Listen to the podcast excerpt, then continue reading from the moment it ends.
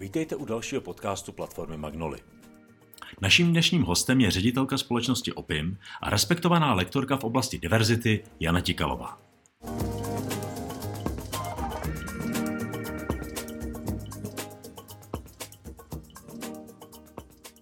Co jsou tvoje vášně? Co tě, co tě od dětství nejvíc bavilo?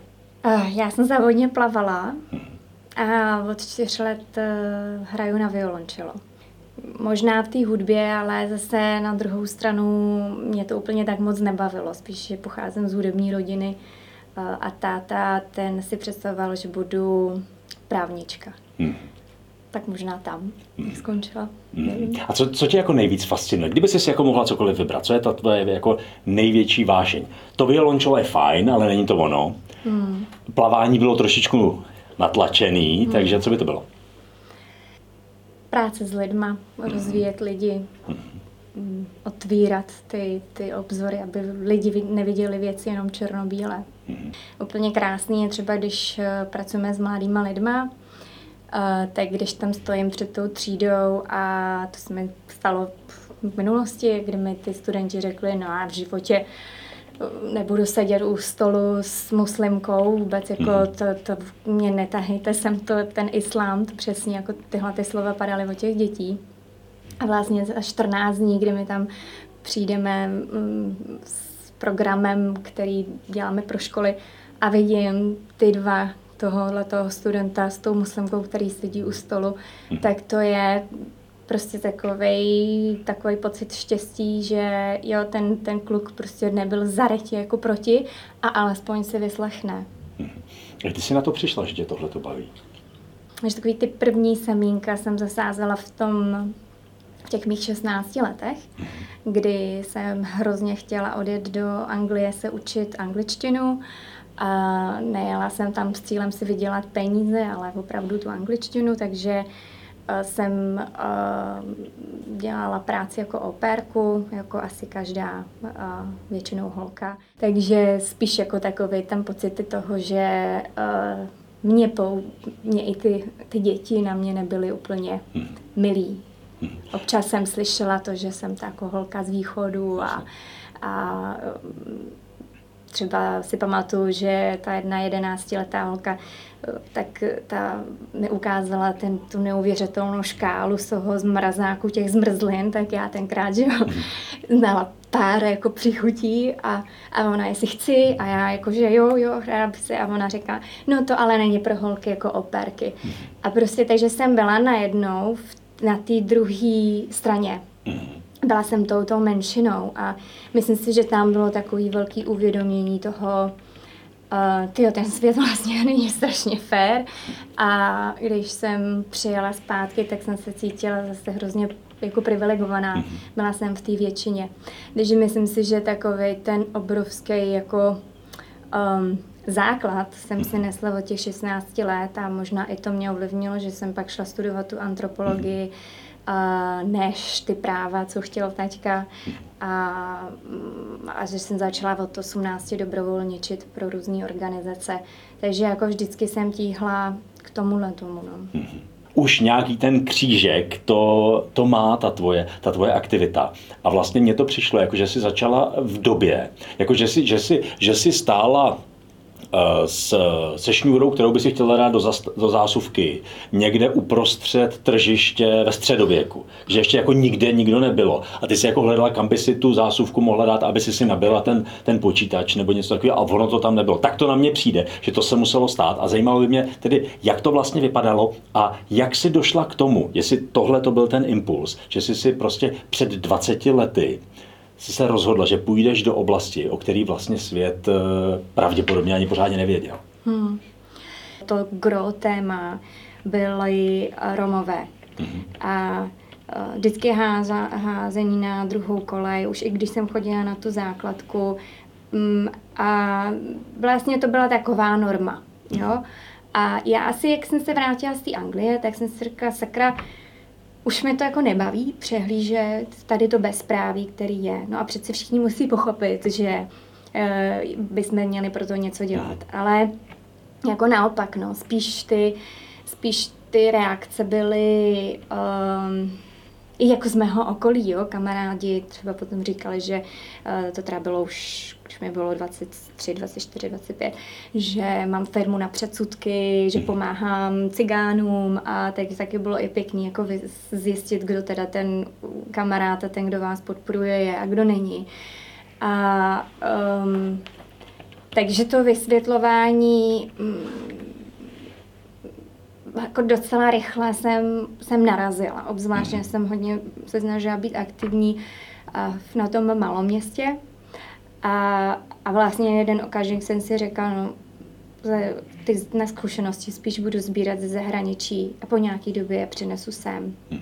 Takže prvních nějakých možná 6-7 let převážně ta naše práce byla uh, s různýma mezinárodníma organizacemi, které stejně smýšleli a vlastně přinášeli jsme ty příklady toho, um, jak prolomovat ty bariéry, jak stavět ty mosty mezi těmi lidmi, jak vlastně neseparovat, nemarginalizovat, protože ten je takovej a makovej, protože ten je z téhle sociální uh, skupiny a tak dále.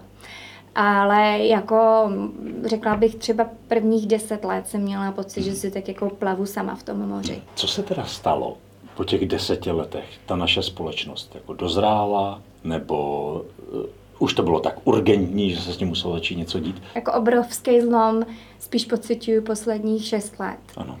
Ale ještě jako před těmi deseti lety um, si spíš myslím, že jako ten postoj byl uh, byl takový jako možná i větší strach od lidí. Přišly sociální sítě, více hejtu, více jako ty lidi anonymně mohli dávat, eh, dávat najevo ven, co si myslí. Uh, imigrační vlna. To já si i pamatuju, že jsem stála prostě před skupinou mladých lidí naší jako budoucnosti, kde měli jako neuvěřitelně ostré výroky k, k imigrační hmm. vlně, která byla v, v těch letech. A uh, já jsem tam jako stála s tím, že já vlastně nemám argumentaci pro ně. Hmm.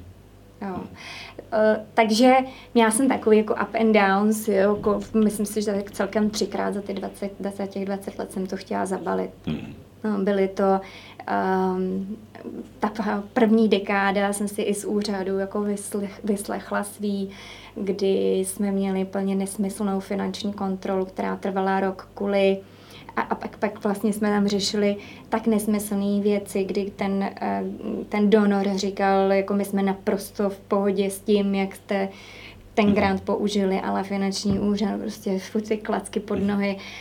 A i, i na rovinu do očí mě ta úřednice řekla, a to vám stojí za to vám pomáhat těmhle těm jako lidem. Mhm.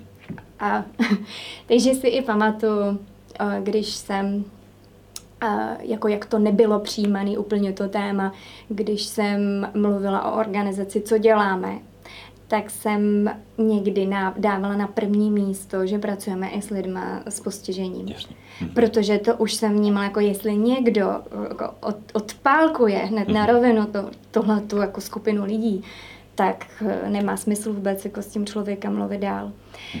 Ale zase já jsem dozrála, vyzrála, uh, jako ten, to, tady ty obrovské ambice a, a ta i jako přemíra té naivity, že to půjde rychle a uh, tak to mě, to jsem potom asi přehodnotila a rozhodla jsem se, že já nebudu um, lidi přesvědčovat a nebudu se jako stát těm argumentům, ale spíš jako propojím síly s těma, který v tom cítí smysl a vidí smysl. A to můžu říct, že třeba za posledních šest let, zvlášť u těch, um, u, te, u těch firm, u, u těch soukromých subjektů, um, tam to rezonuje, ale um, dřív bych si myslela, že ne. To, co jsi začala řešit, jak jsi říkala, řešila se romskou otázku, imigranty a tak dále, ty, kteří dneska na to slyší, oni slyší na tohle téma, nebo to téma se zaměnilo? Já mám pocit, že, se to, že celé to téma se posunulo trochu někam jinam. Jo? Že mm. jako eh, v, cent, v tom hledáčku nejsou ty skupiny, po kterých ty jsi šla. Že se to jako hodilo někam, že se to vlastně celé posunulo někam jinam. My jsme vždycky řešili to, to jako tu diverzitu, mm-hmm. řešili ve velmi širokém spektru. A jsou je několik uh, cílových skupin, na kterých jsme mluvili. Ano. Na mladí lidi, na učitele, na neziskové organizace a na firmy jsme prvních deset let nemluvili. Tam, v, pokud bylo CSR, tak buď pomáhali těm větším neziskovým organizacím, které jsou jako hodně etablovaný, jsou veliký a mají nějaký, um, nějaký jako konkrétní dopad třeba v zahraničí. Uh, hodně byly populární před, před těmi 20 lety programy adopce dětí na dálku. Prostě to byly ty CSR aktivity. A že, že já, já vlastně vždycky jsem, když jsme mluvili o lidských právech, rovných příležitostích, tak je to pro všechny. A ať jako mám nějakou skrytou predispozici nebo nějaký omezení nebo viditelný, to je jedno. Prostě vždycky jsem mluvila a chtěla, ať já naše organizace se právě vymyká těm jiným, než tady před 20 lety existovaly, je, že my spolupracujeme a chceme šířit tu osvětu uh, o diverzitě jako takový. Ale před 20 lety slovo diverzita to neexistovalo. V českým slovníku minimálně ne. Zrovna tak inkluze. A před 20 lety existovalo slovo integrace, na což já jsem jako velmi alergická teď. Byť když si někdo jako bude z diváků hledat, eh, co opim znamená, tak tam to íčko za tu integraci stojí, ale um, je, teď to nahrazujeme tou inkluzí, ale před 20 lety slovo inkluze nebyla. Ono jako psychologicky a i jako ten pojem je potom dost rozdílný v tom kontextu. Jak a v čem se rozcházela ta tvoje definice těch jednotlivých témat, nebo ta definice eh, těch lidí, kteří společně s tebou vlastně jako posouvali ten svět. A ta míra rezistence a to, jak se na to koukal ten svět, jako kde oni to, kde oni to vnímají. Protože řada těch témat a řada těch pojmů, které si použila, jsou dneska vnímány jako naprosto odlišně. Uh, hele, já si myslím, že uh, spíše to, že většina lidí stále dneska nechápe úplně přesně, co ta inkluze a co ta diverzita znamená. Uh, ať jsme v České republice, nebo jsme na západě. Většinou pod, to, pod tou diverzitou inkluzí jako nějaké buzzword a si lidi představí tak teď co nejvíc, jako se řeší za problém. U nás jsou to ženy a hodně v poslední době LGBT. Uh, v Americe jsou to etnické menšiny například. Takže to je, že lidi si pod tou diverzitou tohle představí. Uh, a já, já vždycky chci, kdykoliv, s kýmkoliv mluvím, ať je to ve školení, ať je to s nějakým partnerem, kterýmu pomáháme stavět strategie, aby chápali, že ta diverzita je opravdu o všem. Ta se týká nás všech. Jo. A co my chceme? Aby lidi byli přirození, aby nemuseli skrývat to, k čím opravdu jsou. Uh, inkluze uh, není to, že si tady vytvoříme skupinky a ty skupinky budou spolu mluvit a není to o tom, že ty se přizpůsobíš nám, ty zapadneš nějak do toho, do té naší kultury, když se bavíme třeba ve firmním prostředí, eh, když se bavíme o inkluzi ve školách, eh, že ty se musíš změnit, aby si zapadl. Ne, je to o tom vzít toho člověka takový, jaký je, aby, aby se mohl realizovat, aby se prostě aby mohl ten potenciál, který má v sobě nějaký talenty, který má, aby je mohl uplatnit co z toho ta společnost v principu jako i může mít, hmm. že něco takového udělá, že jako stojí to za to té společnosti a proč? Ano, jako to je, stojí mi za to uh, se přizpůsobit tady těmhle těm lidem, nebo přizpůsobit, vytvořit takové pracovní podmínky těm, téhle skupině lidí, když jich je jako 2%, 2% tady mm-hmm. například. No, ano. A, no. tak uh, já jako se pozastavuju nad tím, proč si někdo klade tuhle otázku. Jestli jako za to stojí, jo. Je, proč se nepoloží otázku, jak to udělat, aby tyhle ty 2%, protože to je prostě naše pracovní síla, to, jsou ten, to je ten talent. Um, to je někdo, kdo nám prostě přináší ve finále i, i ty peníze. Tak jak to neudělá proto, aby um, aby se tady cítil dobře, aby mohl skloubit práci, rodinu, aby uh, nebyl na pracovišti, kde mají blbý komentáře vůči uh, jeho nebo její uh, nějakým um, znevýhodnění, odlišnosti, jo, tak mm, tyhle jako otázky typu stojíme to za to, chápu, že si položí někdo, kdo rozhoduje o těch financích a, a potřebuje generovat zisk, ale jako sakra už jsou na to studie, že prostě a lehkou matematikou, jako odliv těch talentů nám eh, bude stát víc peněz, než eh, když já nastavím flexibilní pracovní dobu. Kdo to v těch společnostech nechápe a kdo to velmi dobře chápe? Jak, no. Jak kdo, jo? Mm-hmm. Většinou HRisti jsou takový ty srdcaři. Ano. Ti to chápou a ti to chtějí prosadit. Ano. Stane se, že ve firmách jsou i osvícení ti, ti manažeři vysoko, mm-hmm. ti, kteří rozhodují o rozpočtech, ti, kteří jako opravdu jsou ti decision makers. Ale stane se, že ty nahoře to nechápou, chápou to jenom ti, tento HR. Tak mě zajímá teďka, ne kde to bude v roce 22, 3, 4, 5, ale kde to bude v roce 41.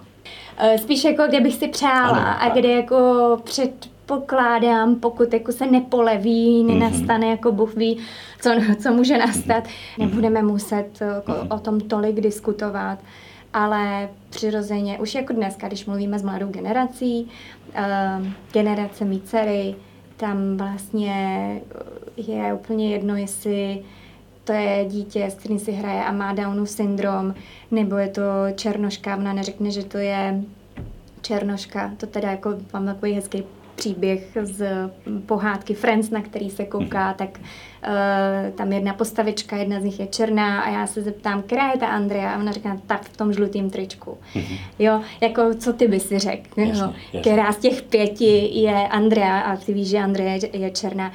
Takže si myslím, že jako ta moje mm, víra je v to, že to bude víc a víc přirozený, že o tom nebudeme muset tolik diskutovat, že firmy si nebudou muset dávat nějaký interní svý kvóty um, a že, že budeme sami sebou víc. To číslo dneska, který je, že zaměstnanci skrývají své identity, je furt hrozně vysoký. Je to kolem 61%. Jako v momentě, kdy já skrývám identitu, nejsem sám sama sebou, tak to má dopad na, ten, na to uplatnění mých talentů. A to je přesně to, co ta firma chce, mhm. ty talenty. Já se chci vrátit k těm, těm identitám, ty mě zajímají, ty, ty inkluze. Každopádně, jaké jsou v současné době z tvého pohledu ty nejbolavější témata? A teďka eh, mi nejde o nejviditelnější témata, ale ta nejbolavější témata. Eh, jedno jako z těch gro témat, myslím tady jako narovnat nějak, to bych si přála, narovnat uh, to, ten kat te, toho, kdo jde na mateřskou a rodičovskou, a, která je nejdelší z celé Evropské unie, je to až mhm. čtyři roky. A, mhm. a dnes je to většinou žena. A tak e, jako o 20-40, mhm. když jsme se chtěli bavit, tak um, jako narovnat tohle, to, aby nebylo divný, že ten tatínek jde na rodičovskou, aby nebyly tak dlouho ty rodičovský, aby ten stát uh, opravdu zahrál tu důležitou roli v tom uh, vracet vlastně ty rodiče zpátky do toho pracovního procesu. Prostě to bolaví uh, největší problém školky, kam dá dítě. Jo. Mhm. Ty předsudky s tím, že ve dvou letech dá dítě do školky, je bláznovina. Zároveň ale a to vůbec umožnit. Ze strany zaměstnavatele je, e, tam jsou snahy, tam se to mění, tam opravdu ty ledy se hýbají, ale taky ze strany toho státu. Mm-hmm. Okay. E, jaká další témata jsou takhle silná?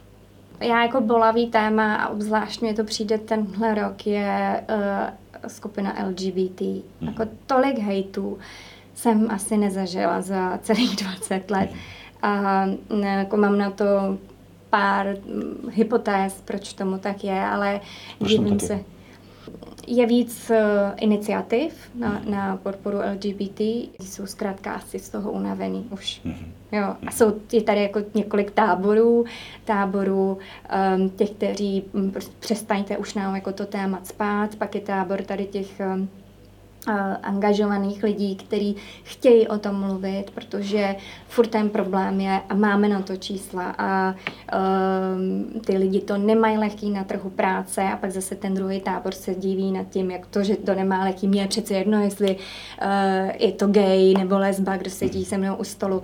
To sice jako říká někdo, ale ve, v realitě, že jako jsou na to čísla, není to tak.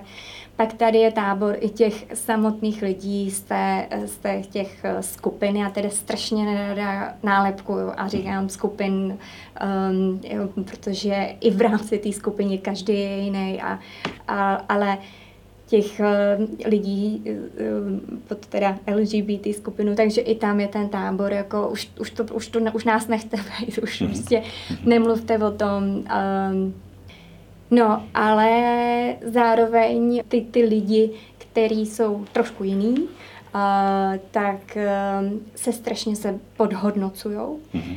Strašně málo se platově ohodnocují. A neumí si vyjednat podmínky, neumí si říct o, o adekvátní platový ohodnocení. Mm-hmm. A to si myslím, že, že může být velký, ještě větší potenciální problém, protože momentě, kdy eh, zaměstnavatel bude chtít eh, vytvořit ty podmínky pro to, aby vzali lidi z, například lidí z navozíku, tak zase jako pozor na to, aby to neinklinovalo k tomu, eh, že mm, je budou brát jako ti, mm, kteří si, kteří nejsou s tou kuráží říci prostě o větší plat. Hmm. A ono potom jako ve finále když si ten, tenhle ten člověk připočítá, o co všechno přijde v momentě, kdy nastoupí do práce, tak uh, se mu to ani nevyplatí. To jsou příběhy, které já slyším. Ale chce pracovat, zároveň potřebuje si vydělat. A zároveň si ale neumí říct o ty podmínky. Takže tady vidím jako potenciální um, problém i, i, i jako práci šířit tu osvětu mezi právě tyhle ty lidi. V tom světě HR, který je totálně měkký, se objevují už oblasti, které jsou tvrdší. Na mateřskou, že nemusí chodit jenom, jenom ženy. To už se odargumentovat dá velice silně. A potom jsou tady témata, třeba právě ta sexuální orientace, která vlastně je velice často propíraná, ale argumenty tam vlastně jako přímo uchopitelné vlastně vůbec nejsou. To, že méně řeší uh, tématiku LGBT, méně řeší tématiku nějaké neurodiverzity, tak uh, přesně, jak jsi říkal, jo, protože nemáme na to čísla, nám to tak nepálí a nás nejvíc pálí tohleto. Většinou nám ty klienti řeknou, Těch témat je spoustu, my víme. My víme, mm, že ano, vy to řešíte ano. jako velmi široce a to je skvělý, ale my prostě teď řešíme ty ženy. Mm. A moje argumenty na OK, Jenom pozor, že když, to, když vaši sílu a aktivity zaměříte jenom na ženy, tak co pak ti ostatní zaměstnanci? A co pak ti um, muži? Co potom um, další lidi, další zaměstnanci, který, um, který tam, kde tam jako možná problémy a vy o tom ani nevíte, tak uh, jdeme na to i tím, tou cestou nejdřív si vůbec zmapovat, co, co za ty problémy tam mají. Mm-hmm. Jestli tam vůbec nějaký mají, jo. Mm-hmm.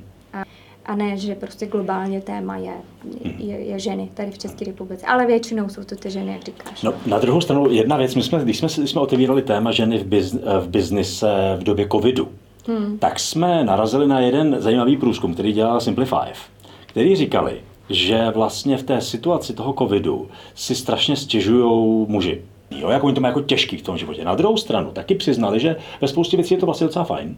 Mm-hmm. A že se to jako docela dá zvládnout. Mm. Na druhou stranu se ukázalo v těch číslech, a pak nám to i potvrzovalo třeba Behavio, že ženy to vnímají mnohem hůř, ale nekřičí nechají si to líbit. V hmm. principu, v, v uvozovkách. Je, jako ženy nechodí po, po ulicích a nekřičejí, jako my to máme těžký. Je, eh, tady je potřeba oddělit, jo, covid, ženy, jako zvládnout všechno a do toho pracovat.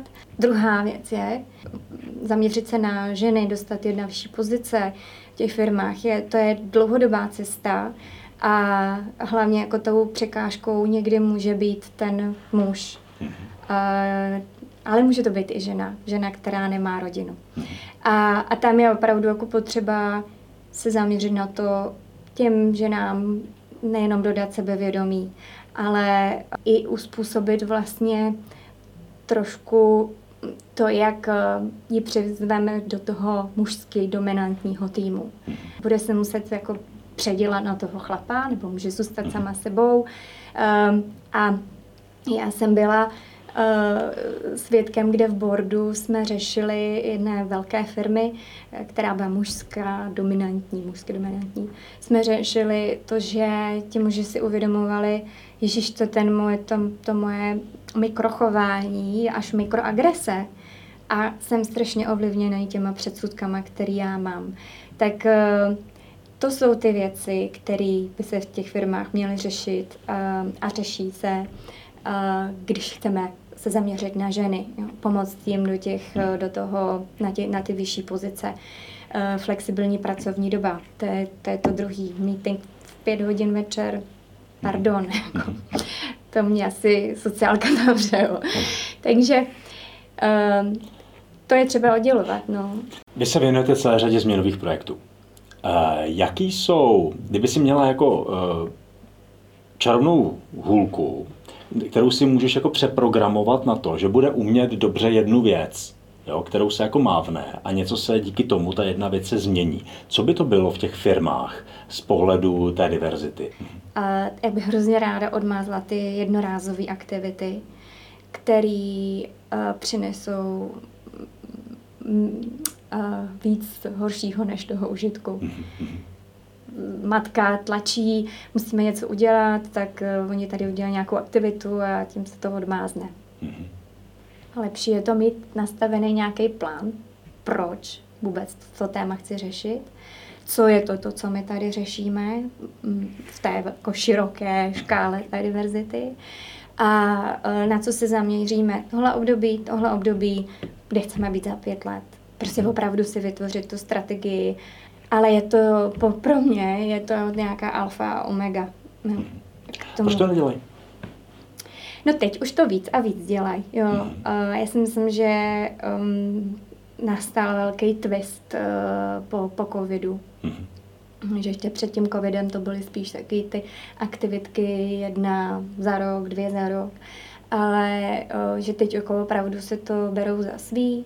Uh, Myslím si, že tomu nahrává i ty tvrdý data, jak jsi říkal, a i trošku ten nátlak z toho, z té mateřské hmm. centrály. A vlastně dalo by se říct, že společnost, která je podle teda nějakých těch parametrů brana jako střední, eh, malá střední, nějaký to mm. SMIčko, tak pro ně je to totálně jako prázdná, prázdná věc. Vlastně před rokem byla. Mm. Jo, že mm. jako eh, ne každá firma má matku jako v západní Evropě. Jo. Ne mm. každá firma uh, si má osvícený, osvícený top management, mm. který si uvědomuje, uh, že to je důležitý, anebo jim někdo pomlátil o hlavu data, že to, že, že, že to. Proč to v těch menších firmách není takové, takové téma? Uh, možná tam ani není mm. takový, takový, takový problém.